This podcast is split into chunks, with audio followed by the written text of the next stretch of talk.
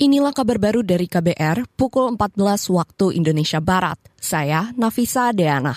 Kita awali dari informasi pemilu. Kabar pemilu. Kabar pemilu. Badan Pengawas Pemilu Bawaslu membantah pernyataan yang menyebut surat suara untuk pemilih luar negeri di Taipei, Taiwan rusak. Pernyataan itu sebelumnya disampaikan Ketua Komisi Pemilihan Umum KPU Hashim Asyari. Menurut anggota Bawaslu Loli Suhenti, surat suara di Taipei tidak masuk dalam kriteria rusak ataupun cacat cetak. Sikap Bawaslu memberikan saran perbaikan supaya 31.276 surat suara yang sudah terdistribusi di luar jadwalnya seharusnya itu tidak dianggap sebagai surat suara yang rusak. Kenapa? Karena kalau mengacu kepada KPT KPU nomor 1395 tahun 2023 tentang kriteria surat suara rusak, kejadian di Taipei itu tidak memenuhi delapan kriteria surat rusak itu.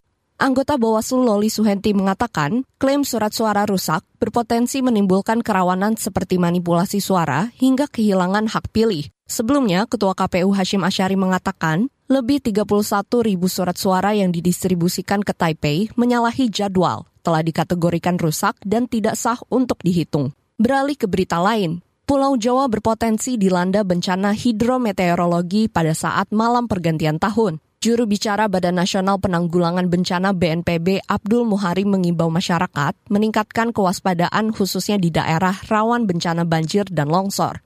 Mulai dari tanggal 28, 29 hingga tanggal 2 nanti uh, mungkin ada peningkatan intensitas hujan ya mulai dari bergesernya dari timur ke barat. Jadi hari ini mulai dari hari ini itu bergeser dari Bali, terus besok Jawa Timur, lusa Jawa Tengah, Jawa Barat, dan mungkin di tanggal 1 nanti itu di sekitar uh, eh, DKI dan Banten. Juru bicara BNPB Abdul Muhari mengatakan sebagian besar daerah di Sumatera juga berpotensi mengalami bencana hidrometeorologi basah. Abdul mengingatkan masyarakat yang akan beraktivitas di luar ruangan agar memerhatikan perkembangan prediksi cuaca yang disampaikan Badan Meteorologi, Klimatologi, dan Geofisika BMKG. Beralih ke Papua, Pemerintah Provinsi Papua menyesalkan terjadinya insiden kericuhan setelah jenazah bekas Gubernur Papua Lukas NMB tiba di Bandara Sentani. Mengutip antara, Kepala Badan Perencanaan Pembangunan Daerah Bapeda Papua Yohanes Walilo mengatakan, seharusnya kericuhan tidak perlu terjadi karena tengah dalam situasi berduka. Sebelumnya, kericuhan terjadi saat prosesi persemayaman Lukas NMB hari ini. Penjabat Gubernur Papua M. Ridwan Rumasukun terkenal lemparan benda tumpul dalam peristiwa tersebut. Lukas NMB meninggal saat dibantarkan di RSPAD Gatot Subroto, Jakarta sejak 23 Oktober 2023. Bekas orang nomor satu di Papua itu menghembuskan napas terakhirnya pada Senin kemarin.